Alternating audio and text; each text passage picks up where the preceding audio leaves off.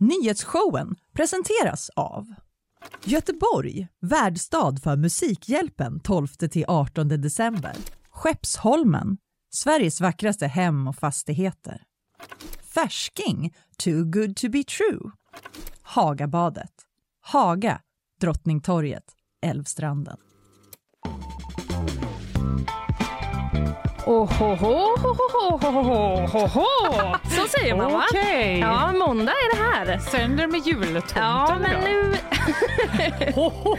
Ja, men jag kände lite så, va? Vad lyxigt. Ja. Nu är det nyhetsshowen live från GP-huset som är Jag här. vet. Ja, och så kom det fram i bara ljud istället för ord. Ja. Men eh, jag ska försöka uttrycka mig bättre under resten av morgonen. Ska jag inte bara säga ho, ho, ho Nej, hela sändningen? exakt, exakt. Eh, idag så kommer jag att berätta vad man vet om eh, korruptionshärvan i EU som briserade i Bryssel i fredags. Det blev Mm. lite så- sådär, va? Vad är detta? Polisen gjorde tillslag på 16 olika platser och fem personer greps. Vad är det som händer egentligen undrar man? Ja, jag har ingen Ja. aning så Nej. jag ser fram emot att höra detta. Du ska få veta det man vet hittills för det är ju ganska tidigt fortfarande. Ah. Ja. Vad bjuder du på Fanny? Ja, jag ska prata om en annan härva i Polismyndigheten här i Sverige. Just som det. vi var inne lite på i fredags, Mm. men det bara fortsätter och fortsätter och fortsätter här. Ja, Nyheterna kommer. Där har det verkligen hänt grejer i helgen, känns det som att man har sett eh, komma förbi. Eh, sen får vi också eh, besök. Det är eh, vår egen redaktör på två dagar, vårt helgmagasin. Frida Rosengren kommer hit. Ja! Hon har inte haft en tråkig helg. Nej. Hon har, eller det vet jag inte, men hon har i alla fall varit på en riktig fest, Nobelfesten. Festernas fest. Ja, hon kommer berätta liksom allt behind the scenes. Vad, hur var det egentligen? Hur var maten? Vad eh, ja, det var en jättekonstig 3D-printad blomformsgrej. Ja, vi går in på det mer sen.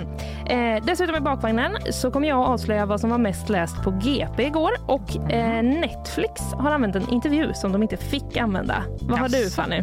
Jag har en lussekebab i Karlstad. Frågor på det.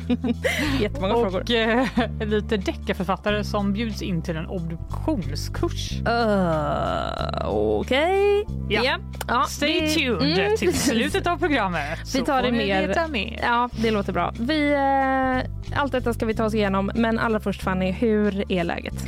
Det är bra tycker jag. Mm. Jag blev typ attackerad av en råtta när jag gick ut. Är det sant? Alltså, Nu på morgonen? Ja, det var så äckligt. Oj, Jag gick bredvid en buske här nere precis. Och så bara Utanför ser huset? Jag, ja, ja. och ser jag att en råtta kryper över min sko. Från busken. Nej, vad äckligt. Ja, det var så äckligt. Jag fick en sån, du vet, eh, det var en riktig sån känsla att va, nu kryper den upp i benet, i byxbenet på mig. Nej men Och bara- fy! Och alltså jag älskar verkligen djur, Ja. men där går till och med min gräns. Ja, men det Jag där vill inte ha ju... råtta i byxan. Måndag klockan 05.30. Där går ändå gränsen. Ja, det vill man inte Även ha. Och också typ, eh, det är något med att man inte liksom har bjudit in dem. Nej, Alltså- det hade jag sannerligen inte. Nej, för Jag är inte så promiscuous att jag bara God morgon råttan! Välkommen in i min byxa. Men alltså det var ändå, hade du byxor som gjorde att den hade kunnat ta sig Jag in? har väldigt vida byxor Ja, det har du men jag faktiskt. hade också underställ. Ja, så det okej. hade liksom ändå varit ett lager. Det hade inte blivit hud mot hud med råttan. Nej, Ja, men det var också ett sätt att börja sin dag på. Men Ja. eh, hur har du börjat din dag? Inte lika eh, skräckinjagande. Nej, vad Nej, skönt. det, nej, det har varit ganska lugn början faktiskt. Mm. Mm. Underbart. Du, eh, vi drar igång där.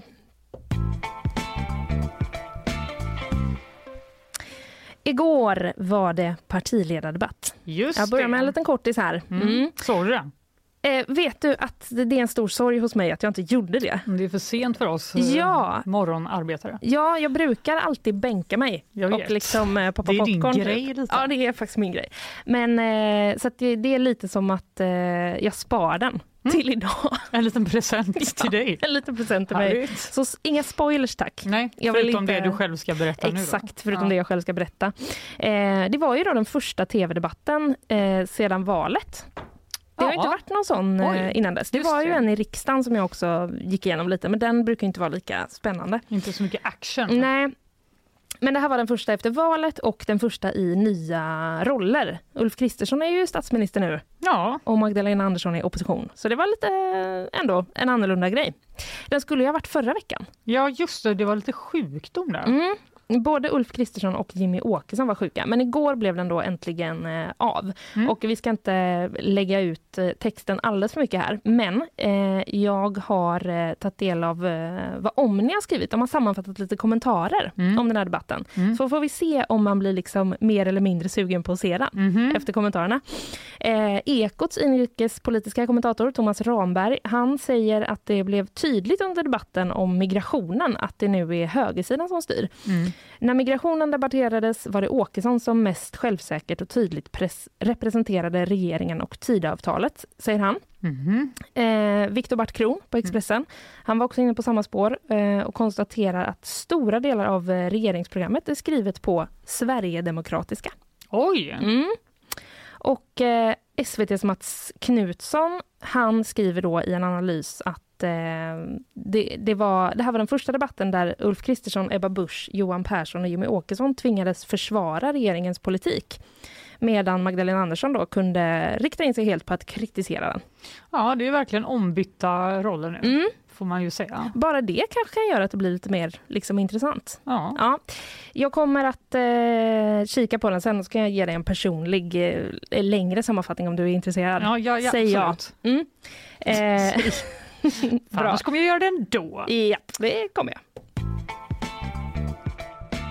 Yeah, last night we met one of the Sheikh's sons, and he took us back to the palace and he showed us he had lions and everything. And um, he was like, yeah, yeah, we saw beer, saw beer. So we jumped into the back of his um, Toyota Land Cruiser, ended up at a big palace, and um, we were in the back. He showed us his monkeys, his exotic birds. Toyota Land Cruiser.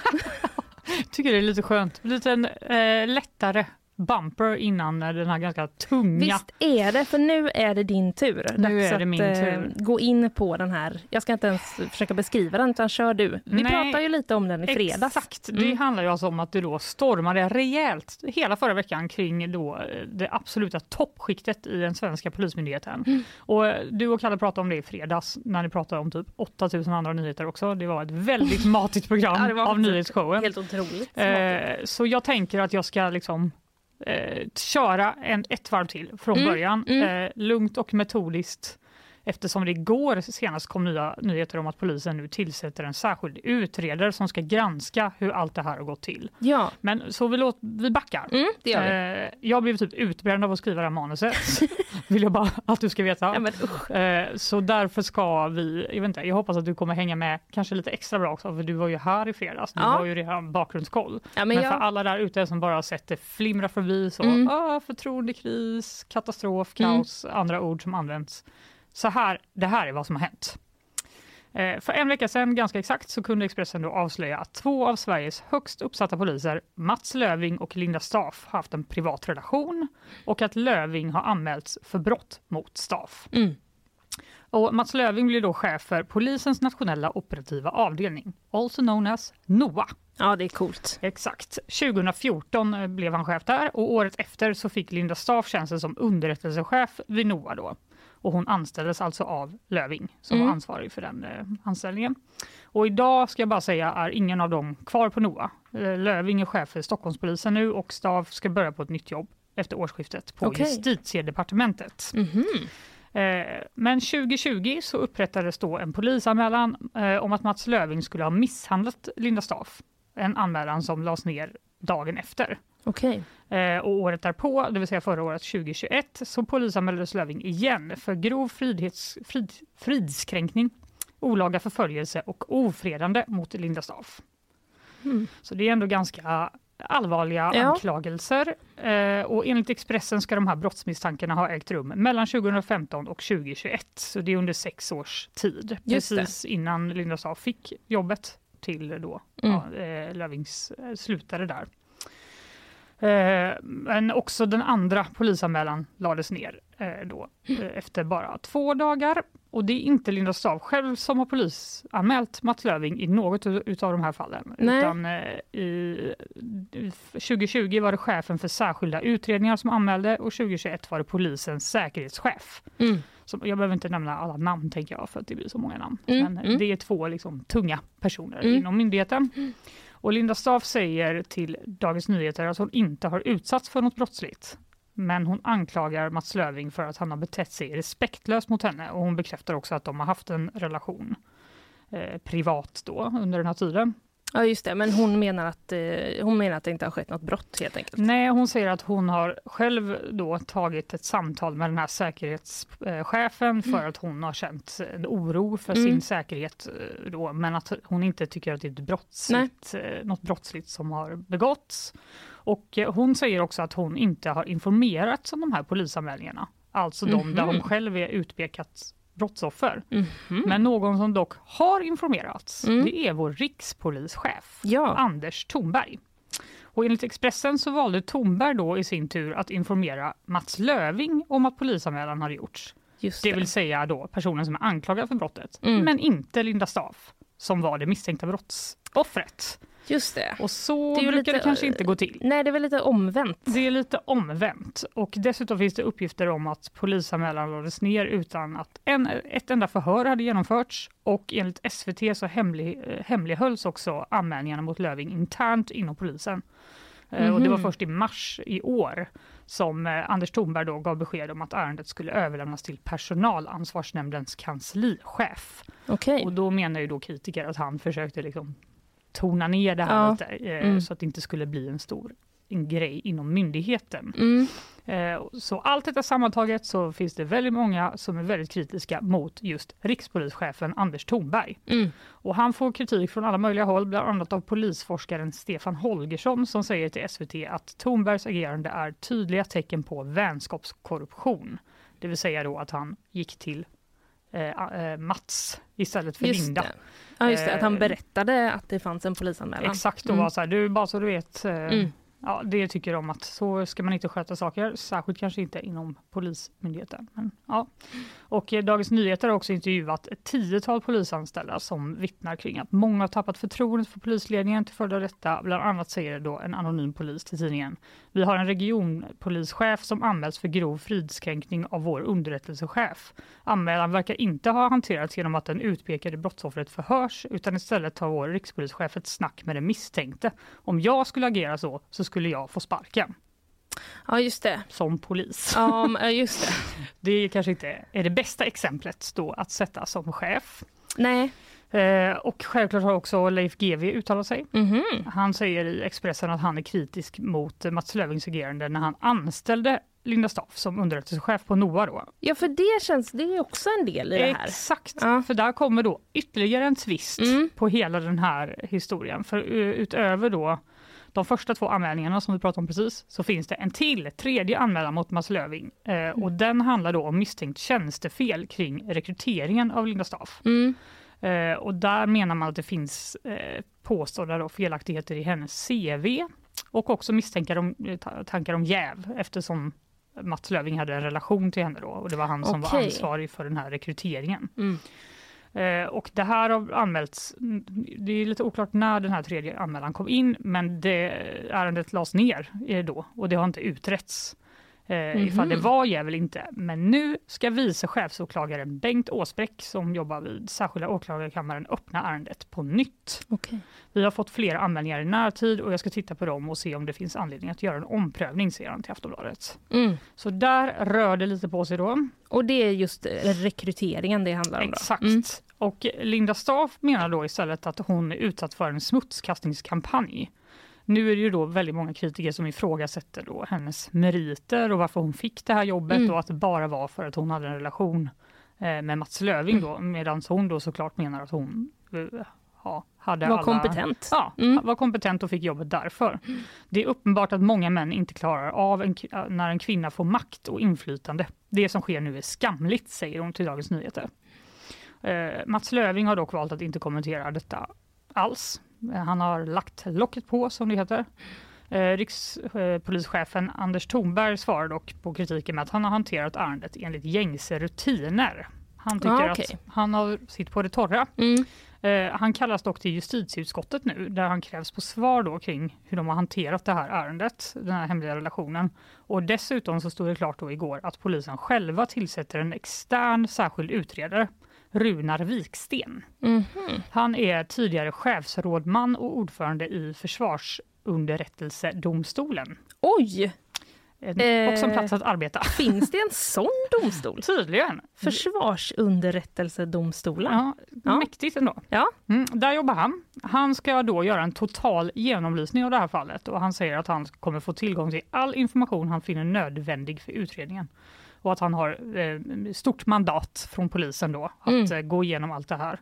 Vet man om det gäller, det, gäller det fortfarande liksom bara rekryteringen eller gäller det också de här Nej, andra detta grejerna? ska gälla allt som, hur Ja. de har hanterat det hela, Ja. från början till slut. Hela skiten höll jag på att Ja, säga. Mm. precis. Och då även då eh, vilka informationsled Mm, det tog och mm. sådär.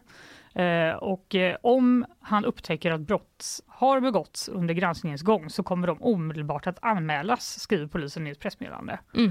Och nu har då eh, Runar Viksten fram till den 28 april på sig att gå igenom allting och redovisa sina slutsatser. Mm. Så det, efter det så antar jag att vi vet eh, helt enkelt vem som hade sitt på det torra och om brott har begåtts och eh, så, så vidare. Sen finns det ju en hel annan eh, liksom, del av det här som är förtroendet för polisen. Ja, Eh, just det. Och, eh, Precis. det är en annan sorts skada som är lite svårare att mäta. Ja, det kan ju verkligen vara en, eh, en skada som liksom, ja, men är, är skedd Exakt. oavsett eh, vad man nu kommer fram till. Liksom. Så kan det vara. Det är väldigt många politiker också som har eh, kritiserat dem för detta just för att eh, det här är något som allmänheten kan se eh, Polismyndigheten göra. Ja, och, eh, det är det. viktigt att de inte... Ja, Eh. är det någon som ska eh, sk- sköta sig ordentligt, höll jag på att säga. Det ska väl alla göra. Men, eh, men absolut, det blir ju lite sådär... Av alla yrken så är det ändå så att man har, kanske med viss rätt, Ja. lite extra krav på polisen att inte begå brott mot varandra eller eh, typ andra konstiga Det är någon som står och så-. App, app, app, app, app. Då Ja. vill man gärna att de ska sköta sig också. De vet väl hur lagen fungerar? Ja, det får man hoppas. Det, det får man inte verkligen man hoppas. på. Nej. Men som du hör så kommer det väl säkert komma eh, mer information i ärendet. Ja. Nu kanske det stillar sig lite en stund, men Ja. eh, vi får se vad eh, den här eh, Viksten kommer fram till. Ja, men det får vi. Fanny, väl genomfört. Fattar du nu, eller? Ja, jag fattar. Det var Skönt. jättebra. Skönt. Det går ju liksom inte att åka härifrån sporthallen alltså förlora mot Fliseryd B. Liksom. Det går ju inte ens väg för fan till Fliseryd. Alltså det är ju... Alltså det, det funkar ju inte. Det funkar inte att åka till jobbet imorgon. Liksom. Hur gick det? Ja, Vi förlorade mot Fliseryd B. Okej. Okay. Ja. Stackars Fliseryd. Ja. Eh, de är inte här och kan försvara sig. Uthängda Nej, i precis. Göteborg. Du, eh, snart får vi nyhetssvep och efter det så kommer jag gå igenom den här misstänkta Ja. korruptionen i EU. Vilka myndighetshärvor vi eh, Vi har. bara dyker ner, Ja, det är inte klokt. gräver loss. Det är inte klokt. Men eh, först så tar vi några ord från våra sponsorer. Nyhetsshowen presenteras av Göteborg, värdstad för Musikhjälpen 12-18 december. Skeppsholmen, Sveriges vackraste hem och fastigheter. Färsking, too good to be true. Hagabadet, Haga, Drottningtorget, Älvstranden. Ja, men vi har det väl trevligt här Fanny? Eller har Alltså, vi det? jag tycker vi har det. Jag är väldigt glad nu att jag har kört den här hela härvan. Ja, Nu har jag liksom checkat av den. Känner att jag var lite otrevlig mot dig då. Fattade du eller? Det? du, du ska inte känna alls att du var otrevlig. Jag tycker du var jättetrevlig. Ja, En annan som är trevlig som vanligt, det är ju Isabella Persson. Ja, så Välkommen. du. God morgon. Tack så Hur- mycket. Så konstig, konstig recension av dig som person. Så Du trevlig. är trevlig. Du, Yes. hur eh, står det till? Det står bra till. Mm. Det är eh, måndag. Ja, det är Det det. hörs nästan på rösten att det är måndag. Känner Ja, jag. jag har inte pratat igång med en här. Nej. riktigt. Det är bara vi som tjötar så mycket på Mm. morgonen. Ja, måndag och svinkallt är det Ja. utomhus. Verkligen. Jag kände det när jag gick ut i morse och sen så kollade jag hur kallt det var. Då var det minus fem och då kändes det inte... Det är inte så kallt. Nej, eller hur? Vad var det med minus 15 som jag såg flimra förbi? Ja, jag vet inte. Vi får eventuellt reda ut eh, det. Ja, Ja. på Men, fritid. eh, Det känns i alla fall. Exakt, det känns absolut. Det känns. Eh, du, vi kör lite nyheter. Flera explosioner ska ha inträffat på den rysk-ockuperade Krimhalvön, det rapporterar CNN. Enligt tv-kanalen ska explosionerna ha skett vid bland annat militärbaracker men uppgifterna har ännu inte bekräftats av oberoende källor. Igår besökte Sveriges försvarsminister Paul Jonsson Odessa i Ukraina, det rapporterar Expressen.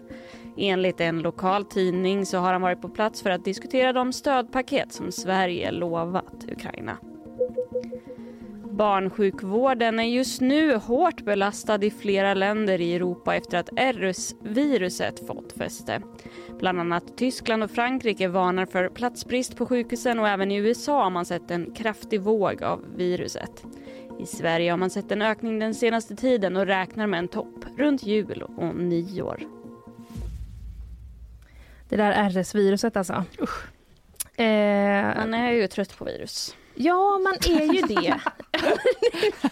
Overall, riktigt, riktigt ja. ganska trött på virus. Ja. Stark sammanfattning av eh, hur man känner inför virus. ja, absolut.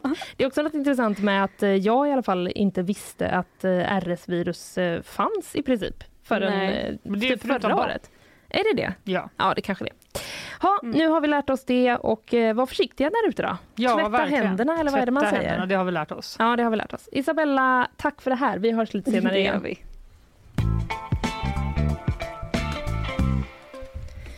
Vi ska ta oss vidare på en gång Fanny. Ja. EU-mut har jag valt att kalla mitt dokument där jag har skrivit ner vad jag ska prata om. Varför då? Du var klatschigt. Ja, jag vet, nej, men jag vet inte riktigt. Det var någonting att det kändes, det var så mycket U Ja. EU-mut. EU-mut, mm. eh, det hör inte hit. Hashtag. Men, ja, men kanske kan bli något ändå. Ja. Mm. I fredags i alla fall, då slog belgiska polisen till mot 16 olika platser i Bryssel. Mm. i någon slags raid. Det handlar om misstänkt korruption och pengatvätt och fem personer greps i fredags. Oj. En av dem är då den grekiska vice talmannen i EU-parlamentet, Eva Kaili. Mm. Eh, och enligt uppgifter till den belgiska tidningen Le Soir så ska, det gälla, ska misstankarna då gälla mutor till förmån för Qatar. Oj! Mm.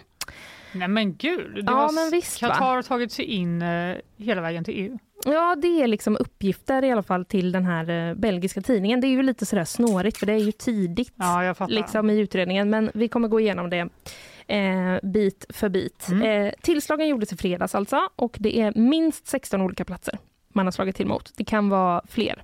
Mm. Eh, och TT skriver att det ska ha gjorts tillslag hos minst tre personer som har assistentuppdrag inom den socialdemokratiska partigruppen, mm. S och D, eh, och en från den kristdemokratiska partigruppen, EPP. Mm. Man har ju sådana olika, liksom, att EU-parlamentarikerna tillhör olika grupper som, eh, ja, med partier från andra länder och sådär. Mm. Eh, och enligt ett pressmeddelande då från åklagarna så har man fokuserat särskilt på personer som arbetar som assistenter i parlamentet. Mm. i detta. Inte nödvändigtvis eh, tolkar det som att de kanske är misstänkta men som att man tänker att där finns det information ja, att hämta. Liksom. De har sett och hört. Ja, men jag tror det. Mm. Mm. Eh, och eh, Lesoir då rapporterar också att polisen misstänker att eh, någon eller några har försökt muta högt uppsatta EU-politiker att fatta beslut eh, mm. som gynnar Qatar. Liksom att, eh, ja, inte mm. nödvändigtvis bara fatta beslut men liksom eh, framträda, alltså du vet så här, mm. göra saker som gynnar dem helt enkelt. Men Qatar har förnekat att de är inblandade, ska vi säga. Mm. Vi är inte medvetna om några detaljer kring en utredning. Alla anklagelser om tjänstefel är gravt missvisande, säger en talesperson då för den katariska regeringen till AFP. Okay. Mm. Eh, Belgiens federala åklagarämbete. Mm. Ämbete är ändå ett favoritord man har. Mm. Eh, Nerd! Ämbete, mm. så himla bra ord. Mm. Ja. Eh, men de har eh, kommenterat det här då. Eh, I flera månader har federala utredare misstänkt att ett land vid arabiska halvön försökt få inflytande över ekonomiska och politiska beslut i EU-parlamentet mm. genom att betala stora summor pengar eller erbjuda gåvor till tredje part med betydande politiska eller strategiska positioner inom EU-parlamentet. Men gud, ja. det är ju verkligen eh, rafflande. Det är en stor grej. Liksom. Ja, det får man säga. Eh, men man har då liksom inte officiellt sagt just det är Qatar. Nej. Man säger bara det här med ett land vid Arabiska halvön. Mm. Eh, Okej. och att det, skulle, ja, att det skulle vara just Qatar, det är upp, eh, uppgifter från eh, tidningen Le Soir. Ja. Mm, Det och, känns väl inte otroligt. De är väl på kartan just nu. ja, det får man väl eh, ändå säga Ja. att de är. Eh, enligt TT så ska man då vid de här tillslagen ha beslagtagit drygt 6 miljoner svenska kronor i kontanter. Va? Mm, Oj! ja, men också datautrustning och mobiltelefoner. Så att, eh, Cash alltså. Ja, man har hittat mycket, mycket cash. Mm. Mm. Eh, och sent på lördagen, då gjordes ännu en husrannsakan hos en parlamentsledamot. Mhm. Och det ska då röra sig om en belgisk EU-parlamentariker som just det tillslaget var mot. Så att det liksom eh, håller ju på att liksom unravel under tiden här och har Mm. gjort så under helgen. Eh, igår då, i söndags, då kom besked från åklagarna att eh, fyra personer är formellt misstänkta. Mhm. Men man har inte offentliggjort deras namn. Eh. Man skriver så här. Fyra personer har gripits av Bryssels utredningsdomare som leder granskningen. De fyra är formellt misstänkta för att ha ingått i en kriminell organisation för penningtvätt och korruption. Skriver man då.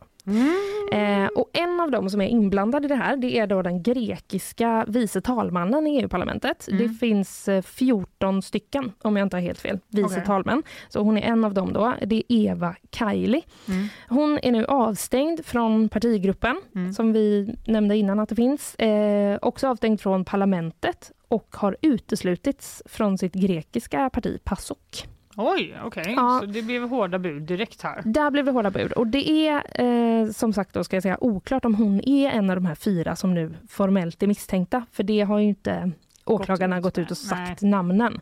Eh, men hon har i alla fall förhörts i samband med de här eh, tillslagen i fredags. Eh, under fredagen då, de, det ska ha varit så att eh, ja, polisen ska ha förhört liksom en av hennes närmsta medarbetare. Sen har de genomfört en husrannsakan, oklart var. Eh, och efter det så greps hon och förhördes då i fredags. Efter lite kanske då intel från den här medarbetaren. Ja, möjligtvis. Det vet man ju inte. Eh, och Sveriges Radio rapporterar då att eh, Eva Kaili ska ha gjort uttalanden om att Qatar är en föregångare när det gäller arbetares rättigheter. Nej. Häng med lite! Ja, Det, det kan man väl kanske inte riktigt påstå. nej det tycker jag. eh, Det är väl en, det är ju en väldigt så här. Det är ju en väldigt eh, eh, en ovanlig uppfattning. så kan man säga. Den är anmärkningsvärd, absolut. Ja, Eh, ja. Den, eh, om det, det, det var något som hon ville kriga för. Ja, det har hon i alla fall sagt. Liksom då. Ja, så det eh, är väl lite sådär, väcker lite misstankar. Liksom. Mm. Eh, och även Luca Vicentini eh, som är general, generalsekreterare för Världsfacket. Det visste inte jag att det fanns. Wow, det är så många coola arbeten vi lär oss om idag. visst är det? Världsfacket, Världsfacket. ITUC. Mhm. Eh, det är liksom Är ett, vi med i det tror du? eh, Måste man- Räcker det att vara med i det svenska facket? Ja, Måste men det, gå det- också det gå med i är- världsfacket? Jag har liksom gått in på deras hemsida för att kolla vad är det här egentligen. Det, de beskriver sig själva som liksom den globala rösten för arbetstagare. Så Okej. det är någon slags gemensam organisation jag för alla känner mig fackförbund. Besläktad. Ja, Jag känner att ja. jag är med i världsfacket. Ja, men det är du säkert på något eh, indirekt sätt. Men även eh, generalsekreteraren där då, Luca Vicentini, eh, han ska vara, också vara en av de som greps i Mhm. fredags. Eh, men här är det också oklart om han ingår i de här fyra som är formellt misstänkta. Mm. Eh, det är ungefär det vi vet så länge. Det här Men håller ju på gud, liksom att utveckla sig. Alltså mina fördomar mot Grekland är att det är, korruption finnes. Men Ja. Belgien Ja. känns... eh, Jag, jag förstår att det finns liksom faktiska siffror på grad av korruption i de här länderna som jag Mm. inte kan, vet. Nej, inte jag är heller, bara tyvärr. mina fördomar. Mm. Men vad otroligt spännande. Du vet, jag har varit Ja. i Strasbourg. Du har det? Jajamän, Har du varit på. i EU-parlamentet? Det har jag varit. Coolt. På stipendium. Just och det. lärt mig saker. Och då pratade alla politiker väldigt mycket om eh, lobbyism och Mm. otro, otroligt jobb. Att det var så här, all vår arbetstid går bara ut på att folk typ, försöker sälja in olika saker Typ så går ut på att bara fighta bort lobbyister Ja, som kommer. de bara, och- det är jättebra med cigg typ. Bara, Nej, vi orkar inte prata med dig mer. Bara, det är det. Jag lovar dig. Det jag tror att EU är verkligen en annan eh, liten värld. Ja, det är det nog. Den typen av politik. Ja. Känns väldigt osvenskt. Skulle man vilja eh, egentligen eh, fråga ut någon som kan allt om EU någon Ja, gång? verkligen. Det känns som att det skulle ta... Någon som lever där och eh, har jobbat här. kanske. Ja, Kan exakt. Det känns som att det skulle ta väldigt lång tid i och för sig att få allt det förklarat för sig. Då så, då ska vi alldeles strax få in vår gäst. Så spännande! Ja, så spännande. Men eh, vi tar först några ord från våra sponsorer. Nyhetsshowen presenteras av Göteborg, värdstad för Musikhjälpen 12-18 december. Skeppsholmen, Sveriges vackraste hem och fastigheter. Färsking, too good to be true. Hagabadet, Haga, Drottningtorget, Älvstranden.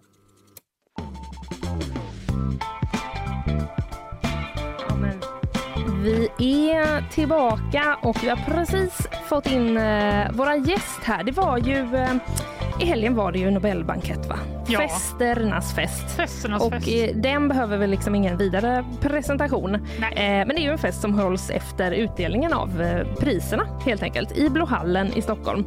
Runt 1250 gäster från hela världen var på plats och eh, en av dem henne har vi här, GPs egen Frida Otroligt. Rosengren. Välkommen!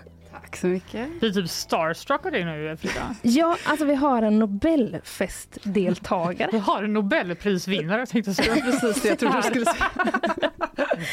Lite samma. Men du, eh, det här är ju eh, stort. Alltså, eh, jag har, jag har så mycket frågor, men om vi börjar med liksom, det har ju varit en paus med Nobelfest i två år. Märktes det på något sätt att liksom, nu kör de igen? Var det liksom extra? Eh, Jag har ju inte gått tidigare år så det är lite svårt att säga om det var extra pampigt. Men det var ju fler pristagare var det ju, eftersom att de hade Mm. bjudit in även de två senaste åren, alltså 2020 och 2021 års pristagare var där. Så jag tror det var totalt 22 pristagare på plats, varav 11 då eh, var årets. Men får jag backa ännu lite? Mm. För jag tänker för lyssnarna som inte vet, varför var du där? Liksom? Vi, GP får skicka, Jättebra fråga. Det var inte så att du fick en inbjudan bara från ingenstans? Nej, jag bara det fick- tänker så att ingen tror att du är Nobelpristagare. Utan, Nej, Att jag bara ska- jobbar här och eh, var där som reporter för GPs räkning. För att, ja, för att skriva om hur är det att gå på Nobelfesten. Mm. Typ. en text som man kan läsa nu på vår sajt om man vill. Det kan man göra. Just det. Men hur, eh, hur många journalister var det där ungefär? Eh, nu ska vi se, jag tror vi var kanske runt sex som jag såg. Oh, Det det kan, var inte så många. Eh, alltså det kan ha varit några, för jag såg aldrig ja, Aftonbladets reporter och så, som sprang runt lite mer. Mm. Ehm, men, eh, ja, men det var väl en representant från liksom, de större. Ja. Medie, medierna. Men hur liksom, eh, vi tar det från början tycker jag. Jag vill liksom veta allt Ja. sånt här. Hur, eh, alltså hur går det till? Man kommer dit till någon slags dörr man går in genom. Ja, alltså ska vi hoppa över hela prisutdelnings... För först är det prisutdelning i Konserthuset. Ja, det. Och det är ju en hel grej i sig. vet du, jag tycker att vi hoppar över den. Den enda lilla detaljen vi, Ja. jag tror vi inte ska hoppa över är liksom, ja men jättefin prisutdelning, kungen delar ut, jättemaffigt. Men det sjuka är att sen står alla de här jättegalaklädda personerna och liksom köar utanför för att åka stadsbussar Mm. eh, som är abonnerade. Men det var, alltså jag var helt uppfylld, jag kände mig som en här kunglighet. Jag bara, nu ska vi liksom åka limousin till stadshuset. Och då kommer det, en sån SL-buss insladdandes. Ja, och så står det Nobelfest Nej, 2022 på dem. Och sen tog det liksom 20 minuter, man stod ju intryckt, alltså jag stod liksom med armbågen i någons ansikte, liksom böjd bakåt. Men Eh, gud. Och så stod folk där liksom pälsar och frack. Det var jätte, det var som ett liksom akvarium på hjul. Det var, Men vad är det för kläder? Det är väldigt strikta regler för kläder, visst? ja, det är civil högtidsklädsel, vilket ju innebär typ långklänning för kvinnor Ja. i valfri färg och form. Och eh, frack för herrar. Ja. Och sen kan man också ha folkdräkt. Okej. Mm. Det var inget Hade du folkdräkt? Eh, det hade jag inte. Nej, Nej. nej. Vad hade du på dig?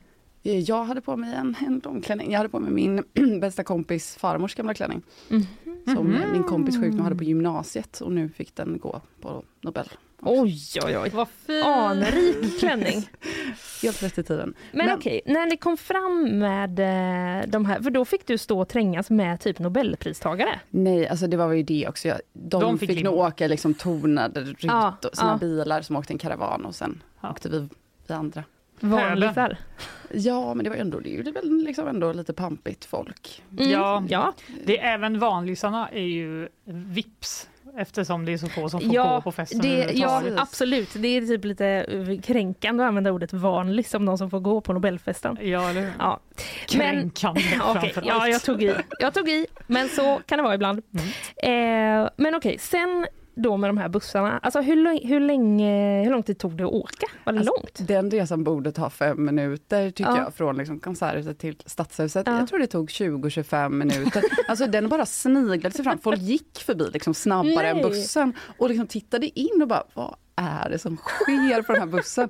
Det vill liksom stanna utanför någon så grillrestaurang som så här sålde glögg för 69 kronor.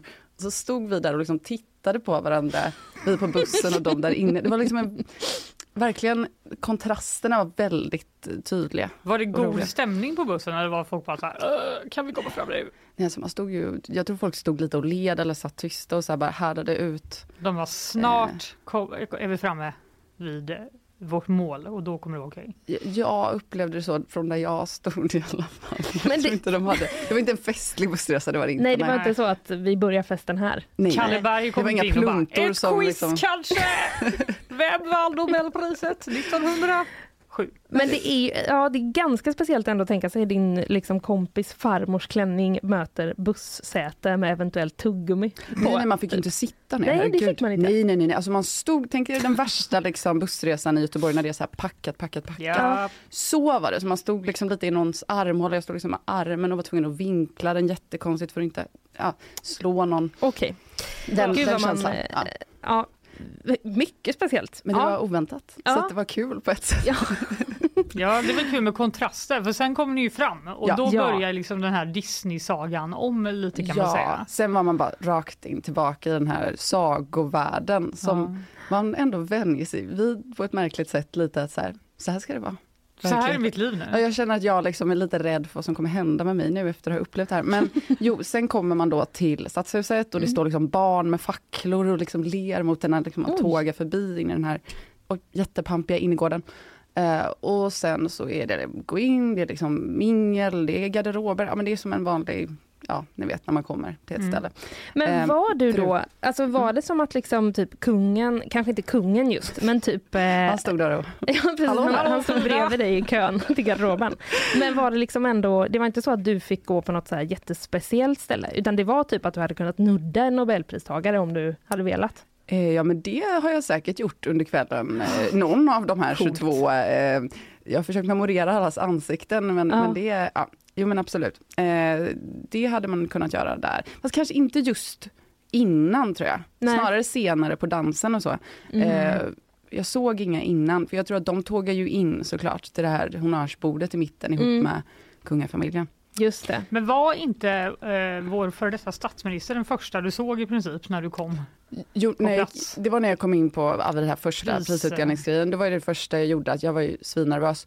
Och liksom tittar upp så här och söker lite med blicken efter en fotograf egentligen. Eh, och liksom när man hamnar med blicken på ett ansikte man känner igen och så här, man ler automatiskt och Ja. nästan nickar lite. Mm. Det gjorde jag. Och sen så var det Magdalena Andersson. Jag bara, hej mamma, nej just det, det var ju du. Men det var man bara, känna, Vi Men- känner väl varandra. Nej, just det. Det, vi det måste inte. vara så för dem hela tiden. Att alla Ja. tror att de känner dem för att man ser dem så mycket. men det var ju det var många sådana personer man gjorde det. Men Jag kan inte ens placera alla, man gick runt och bara, Hej, hej. vi, eller?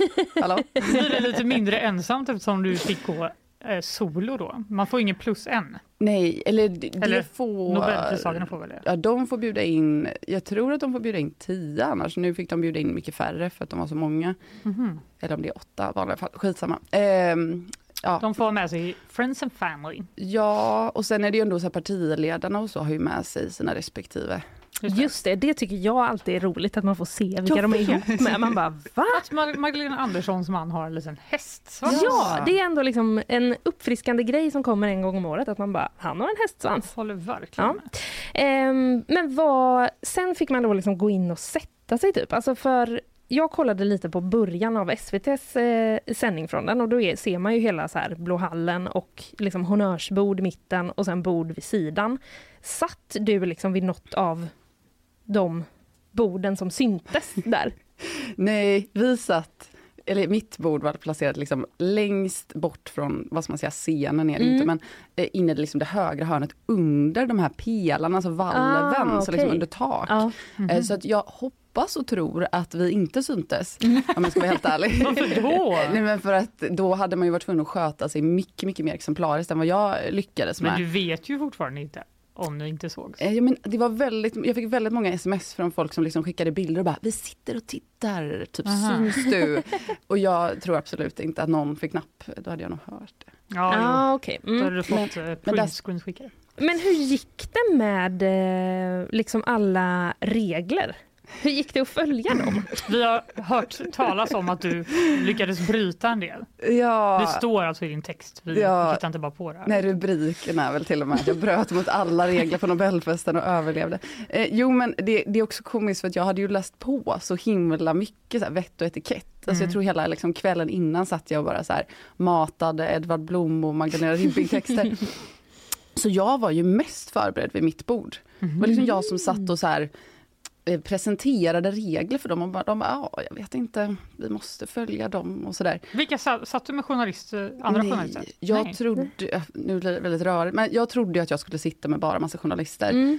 Men eh, vi satt ju utplacerade som vilka gäster som helst, Mhm. visade det sig. Till allas, alla journalisters förvåning i alla fall. Ja, Eh, för så har det varit innan. Men eh, nej, så jag satt ju då, fick jag reda på liksom fem minuter innan jag ska sätta mig vid bordet, att jag är liksom omringad av förläggare och eh, översättare och författare. Och alla de här förläggarna och sånt har ju liksom något att göra med nobelpristagare i litteratur. Antingen detta året eller förra. Och det översättarna det. bara så här, ja jag översatte Annie Ernaux nu. Typ. Nej men gud! Eh, så att, eh, Drömbord ju! jag, jag är glad att jag inte visste det innan för då hade jag varit Då har du så... behövt läsa alla böcker också. Nej, men då hade jag suttit där och så här, vad tyckte ni om Nobelprisvinnaren 1983? Den har jag läst. Mm. Ehm, gud vad speciellt. Ja. Men du kunde ändå finna dig i det. En annan eh, känner ju att man kanske hade fått lite så Du läxade upp dem litteraturkunskapspanik. uppenbarligen, berättade Ja, det är reglerna. sant. ja, jag blev ju deras Edvard Blom. Nej, men, men jag, de var jätte, jätte, jättetrevliga. Alltså, vi hade Mm. verkligen eh, jättekul. Så att de, de var ju helt vanliga, normala, trevliga och snälla människor. Ehm, Kulturhuset. Otippat nog.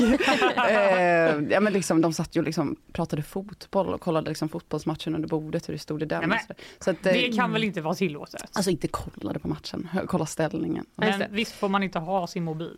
Eh, nej, det får man ju Alls. inte. Så det var ju en av de reglerna jag också bröt sen. Men ja, det var ju det som var grejen. Sen bröt jag ju mot alla regler. Berätta vad du bröt mot. som jag själv hade satt upp. Mm. Ja, inom loppet av en timme var det väl, alltså, vad hade jag, jag hade spillt vin på duken, jag hade ju smusslat med mobilen under bordet för att anteckna. Det var ju, liksom, de ropade ut i högtalarna bara, ni får inte använda era mobiler. Asså. Det var inte bara jag vill jag bara säga. Nej. Nej. Eh, och sen så, eh, vad gjorde jag mer? Jag ja, men glömde titta folk i ögonen när jag skålade. Man ska göra det före och efter och man får inte ställa ner glaset förrän din bordsherre har gjort det.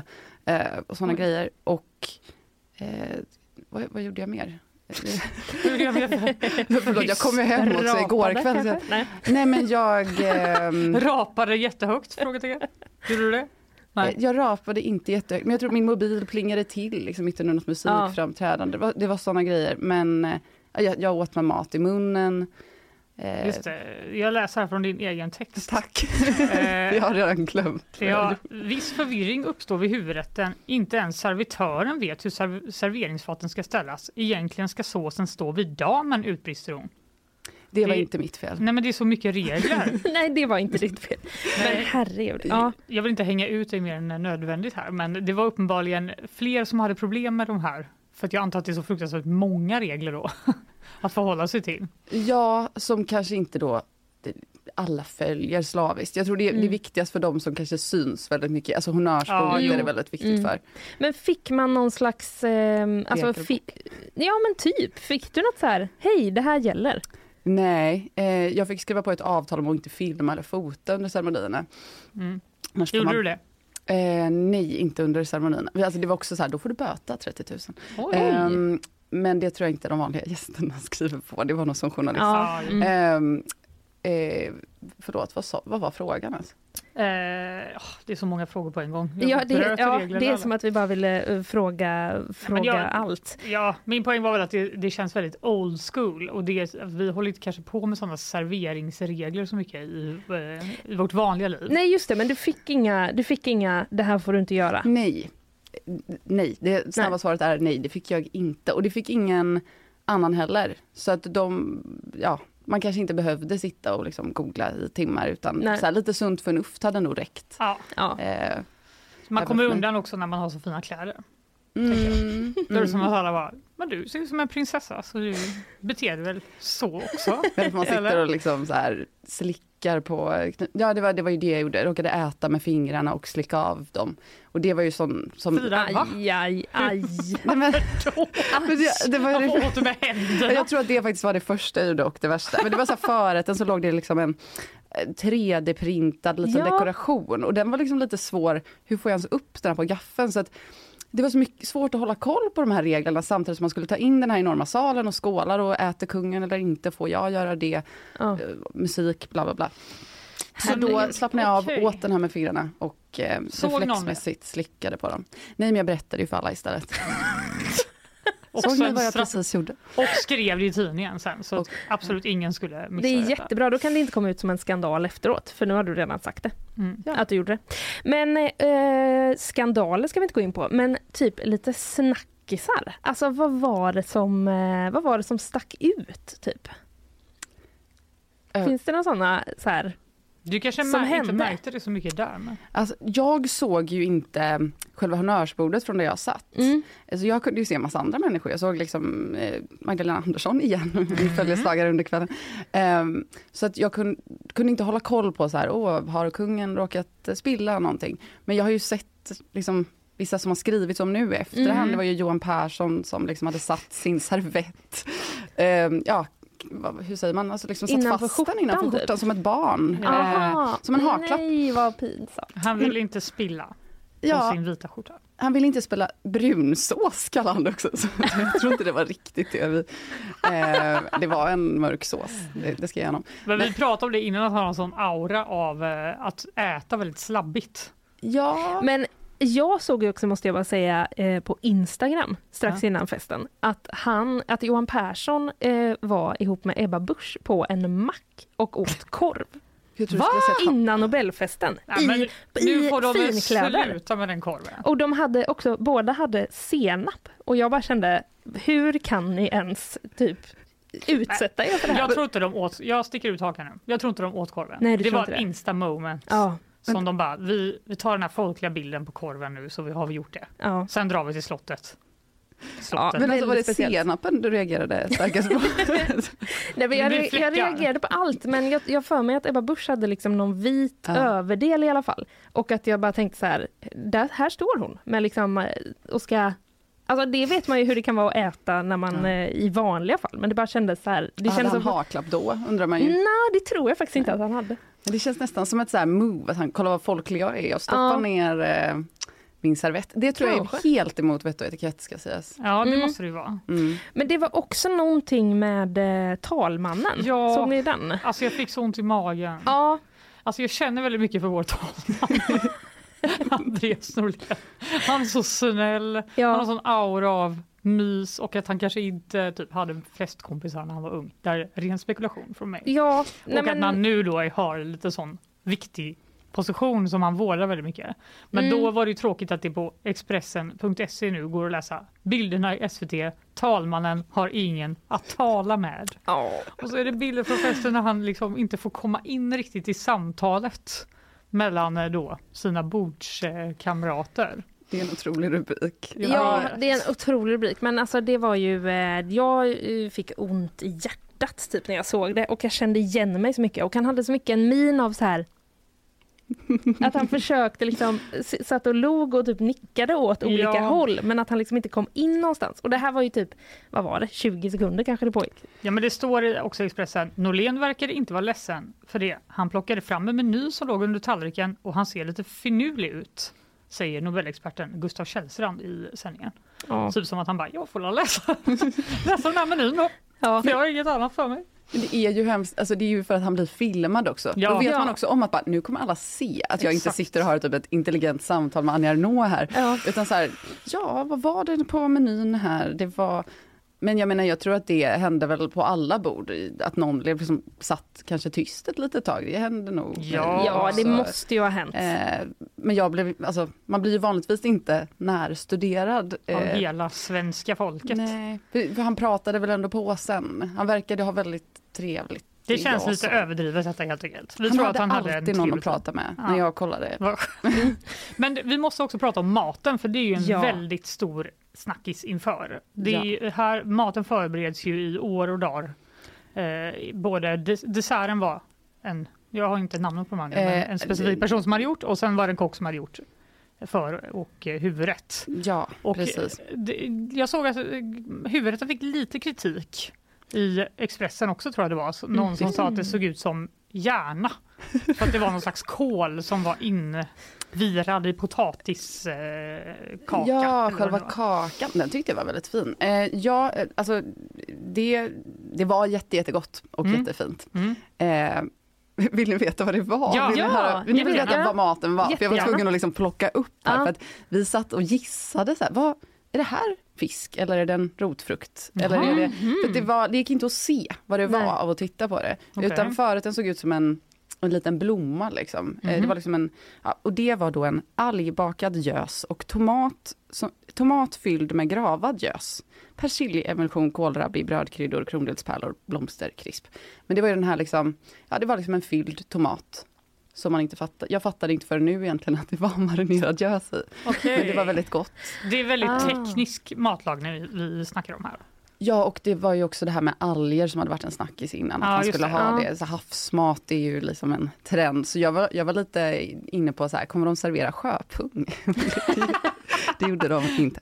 Sådana oerhörda mängder sjöpung de också skulle behöva till Ja. alla de här människorna. De serverade inte heller bläckfisk i bröd som Nej. jag och Kalle åt en gång i den här studion. Gott. Det var inte, det kan vara mer Johan Persson. Eh, ja, det hör inte hit. Korv med bröd tänkte jag på. Nej. Eh, kom in på Johan Persson. Ja, men eh, hur Huvudrätt. var, ja, ja, vad, hur var huvudrätten? Var det någon slags hjort? Eller har jag drömt det? det var absolut en hjort som var, jag vet inte vad förserade, men den var liksom täckt av liksom en slags svamp, murkla som, och salvia. Och sen var det då en liten liksom gulbeta som var formad på ett speciellt sätt och så var det någon slags, eh, jag tror det var en ja, emulsion av raps, kallpressad rapsolja som hade liksom formats till en liten genomskinlig blomformad skål. Som var liksom fylld med typ senapsfrö och Det var den du åt med händerna. Nej, det var det inte. Det Nej, var okej. liksom en geléaktig skål som, det hade varit det hade blivit stabbigt. Aha. Nej, och så var det någon jordärtskocka och timjanemulsion och den här potatisterrinen då egentligen, men kakan som var Gud, kolinbakad. det är som, nästan som att eh, menyn är typ på ett annat språk när man inte fattar vartannat ord. Man kan också säga kött och potatis. Det var kött och potatis och Brunsås, fisk och tomat. Kött, potatis och brunsås, Ja. men fint. Men den här lilla geléskålen var faktiskt inte helt uppskattad vid vårt bord. Alltså, Ah. Nej men det, det kändes, han hade ju liksom ägnat pandemin den här kocken Jim Eriksson åt att em, bygga liksom, att lära sig 3D-design och bygga sådana här små silikonmodeller för att använda i matlagningen. Och det kändes som att han kanske hade gått loss lite här, Mm. vi måste ju ha en eh, 3D-form här någonstans. Ja, just det. Och då blev den här geléskålen. Men den kanske inte, det var lite svårt att äta för den balanserade ju på den här. Man fattar inte, ska jag äta den för sig själv? Ska jag skära Mm. lite av köttet, ta den, doppa den i skålen? Och, ehm, så att, eh, Tillvägagångssättet blev krångligt. svårt och kanske inte smakade jättemycket. Men nu, Nej. jag vill inte, han har ju lagt ner tre år på det här. Det, det ja, var, A for effort. ja, konstverk, fint. Just det. Och sen var det en dessert. Ja, och det var, med, med mina ord, kanske en dekonstruerad cheesecake. Mm, gud vad gott. Ehm, med liksom plommonkompott och, ehm, som hon hade då ja, plockat och lagt in liksom för jättelänge sedan. Mm. Eh, och ja, lite plommonkräm, lite maränger, lite havrekrisp och en mirabellsorbet smaksatt med ingefära. Oj, det låter väldigt Ja, eh, fancy. Den var väldigt Men god. sen efter den här maten då, som det pågick väl ändå ganska länge att man fick sitta och äta gissar jag? Ja, alltså om förrätten kanske serverades halv åtta och sen kom väl efterrätten vid typ, uh, gud, ja, halv, halv elva, elva. Ja, just det. Mm. Ganska länge. Men då blev det dans och fest va? Ja. Hur var den? Och eh, Var ni fulla då, dansade du liksom? med någon? Eh, nu ska vi se. Ja, det blir många frågor. Eh, ja, nej men ehm, om vi var fulla. Eh, nej, jag var inte det eh, i alla fall. För jag hade försökt att undvika liksom, att gå på toaletten för det är också ett brott egentligen. Eh, alltså på fyra timmar att, Ja. att göra det. Uff. Ja, då kan man ju inte hinka vin. Liksom. Nej, sen gjorde- gick ju folk ändå. Men ehm, så nej, jag var inte det. Men jag vet att många klagade på att så här, det var lite lite vin typ. Och det var någon Mm. förläggare som bara så här, du måste vara snabb med att dricka upp för att de kommer bara var 20 minut. Ehm, ja, men eh, nej, så då gick vi upp till den här liksom gyllene salen. Då fick ju alla skrida upp för den här stora stentrappan. Och Åh. det var ju första gången jag kunde liksom gå fram till det här bordet och så kolla på kungens placeringskort. Och, Mm. och så kunde man ta de här guldmynten med choklad i som alla tar hem Just som det. souvenirer. Så jag tog eh, några från honnörsbordet. Oj, oj, oj. Breaking. Och sen dans. Sen uppe i det gyllene salen. Ja. Där uppe. Och det var ju, alltså den, den salen är ju helt, det är ju exakt så här den ska vara tänker jag. Det är inte på något litet studiebesök sådär, utan den ska vara fylld av så här, ja men nu var det ju så här näringslivspampar, politiker, kulturpersoner som liksom svängde om till inte till då så här 1700-tals, liksom, eller inte vals och inte så här synkroniserade små, ja, vad jag nu tänkte i huvudet Ja, att skulle ja. vara som någon film. Eh, utan det var ju så här New York, New York och typ jazziga hits. Och, Jaha, gud Mm. vad trevligt. jag försöker komma ihåg liksom vilka låtar, men det kan vara så här Quincy Jones, typ. alltså den sortens musik. Så det var ju, Men var det en DJ eller var det ett band? det var ett band, Ja. jag tror de heter Laszlo dansorkester, som har gjort det här jättemånga år. Ah. Eh, så det var ju liksom fröjdigt, de hade till och med lite så här mellansnack bara, eller hur, vad tyckte du om det här? Alltså det var liksom fröjdigt Ja. eh, var det. Men var det pardans hela tiden eller var det liksom att någon bara jag kommer inte göra något dansmove nu men du fattar vad jag menar. Var det liksom eh, typ eh, nattklubb Alltså dansmässigt? jag skulle säga att det började mer parigt Mm. liksom. Eh, att det kändes som att så här, men jag måste ha en partner om jag ska gå ut här, jag kan inte ställa mig liksom bredvid. Nej precis. Eh, men sen liksom senare mot kvällen när jag tog mig ut, då kunde man stå lite mer, alltså, nu stod inte jag själv, jag stod med två andra journalister, vi bara nu får vi köra lite Ja. här för vi måste ha hela upplevelsen. Självklart. Så då gick vi tre och ställde oss som i en liten ring. Men då var det liksom att det ändå stod liksom en ring bredvid mig med liksom ett gäng äldre, väldigt liksom pampiga och säkert kända damer som jag inte känner, eh, i en rund ring och liksom dansade tillsammans. Så då var det mer, Det mer lite avslappnat. mer klubb då kan man väl säga. Ja, men det blev ingen eh, högtidlig liksom, dans ihop med någon främmande person för dig? Det var ingen Eh. som kom och bara, hej jag är nobelpristagare i det här, vill du Det- dansa med mig? Det var en eh, vid mitt bord som jag tror frågade men då liksom missförstod jag vad han sa. Nej. Så att jag typ så här, ja, eller vad sa du? Så det blev lite som att jag försökte så här eh, backa från den här Ah. frågan. Och sen var liksom chansen förbi och sen dansade han med någon annan istället. Så att Nej, eh, jag, jag fick, vad eh, sorgligt. jag ble, hade inte någon sån väldigt seriös danspartner på det sättet. Nej, nej. Jag vet att eh, om det var eh, alltså Aftonbladets reporter som dansar med liksom alla statsministrar, eller försöker göra det. Jag tror de har någon sån liten Mm. tävling sinsemellan. om Jag såg att eh, Expressens Anna Gullberg dansade med Johan Persson. ja, det kanske är Och så de att de skulle tävlar. gräva ner stridsyxan för hon skrev ju det här om brun Mm. sörja. Ah. Så skulle de mötas igen på dansgolvet. Undrar om han sa något nytt då? Ja, det tror jag inte han vågade. Nej. Men gud vad, alltså det känns som att vi hade kunnat sitta här en halvtimme till men det ska vi inte göra. Nej, det ska vi inte göra men vi, vi måste bara nämna lite efterfesten. För det Mm. finns en sån. Ja, Men den fick inte du komma på. Den är väldigt vipp. nej. Alltså, Nej. nej. men det, den är inte så vipp faktiskt. Men det är bara det att journalister är totalförbjudna. Aha. För att den ska vara så hemlig. Alltså att de, där ska de kunna släppa loss totalt då, det. alla som går. Eh, så det är fot, ännu hårdare fotoförbud och inga journalister. Och eh, det är ju studentkårerna, jag tror det är fyra som liksom turas om att eh, hosta den typ. Men de planerar ju den i flera månader så det är ju en jättesatsig efterfest. Mm. Och så är alla tror jag inbjudna till den, förutom journalisterna. Eh, så det är säkert... eh, Så typiskt! och man märkte ju att det liksom började tunnas ut liksom Ja. efter midnatt Ja. när den börjar och så går det liksom bussar dit. Så att det var ju någon som bara, ska du inte bara hoppa på bussen och åka? Det är ingen som kommer Ja. märka något. Men då kände jag att så här, jag vet inte om jag kommer typ Alltså vi kanske aldrig mer får skicka någon till Nobel eller det kanske blir något så stort, alltså det kändes som att jag gjorde ett brott då Mm. nästan. Ja. Också så pinsamt om du skulle bli nekad och vara tvungen att liksom walk of shame i din fina klänning. Alltså är det så långt bort. Liksom. Så jag så här, Utanför stan ja, någonstans. nej, men På då, något slott. Ta tuben in Hur ska jag komma hem? härifrån. Den skulle, nog vara, den skulle vara på Nor Norrmalm, i Ja, klart. ekonomidelen av universitetet. Fick jag höra. Men jag fick skvaller från hur det hade varit liksom innan faktiskt. mm. Så jag kan ju berätta, Ja. jag kan gissa att det kanske var något i den stilen. Mm. Då var det någon som hade gått liksom tre år i rad nu på Nobelfesten som sa att, inte i rad, tre år, eh, som sa att så här, ja, men ett år var det så här åtta dansgolv med olika teman, allt från så techno till pop till så slager. Och sen så bjöds det liksom, det var fri bar till skillnad från i Gyllene salen. Va? Var det inte fri bar? Nej men nej, det sa jag inte. Alltså, Den, det var liksom det mest chockerande tyckte jag. Att så här, Jag är i grov chock. nej nej nej, alltså det var som på en, det var som en glorifierad nattklubb för där stod liksom alla och köade till två barer. Och det var också så här, den klassiska så här, kortmaskinen funkar inte men ni kan swisha. Nej! Mystiken Så- faller. Fy vad B! Så såldes det liksom så här, hoff, en hoff. Typ. Där man stod där och drack en flaska eh, eller bubbel. Det känns som att de typ kan jobba lite på, liksom som att det finns lite sprickor i den här Disney-upplevelsen. Typ eh, fri, fri bar och bussresan. Mhm. Men det är ju härligt, men det är ju, det är ju liksom, det är kontrasterna som gör Okej, du Ja, var det är för att det inte var fri bar. Men jag är också lite frälst nu, så jag är så här, allt, allt var perfekt. Allt var perfekt.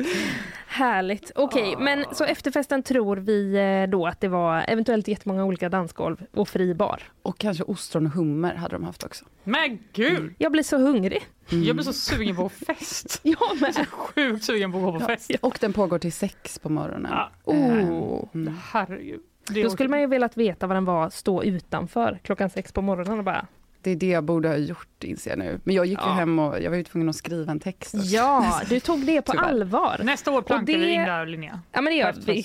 Absolut. Absolut Fanny. Det är ett Okej. löfte.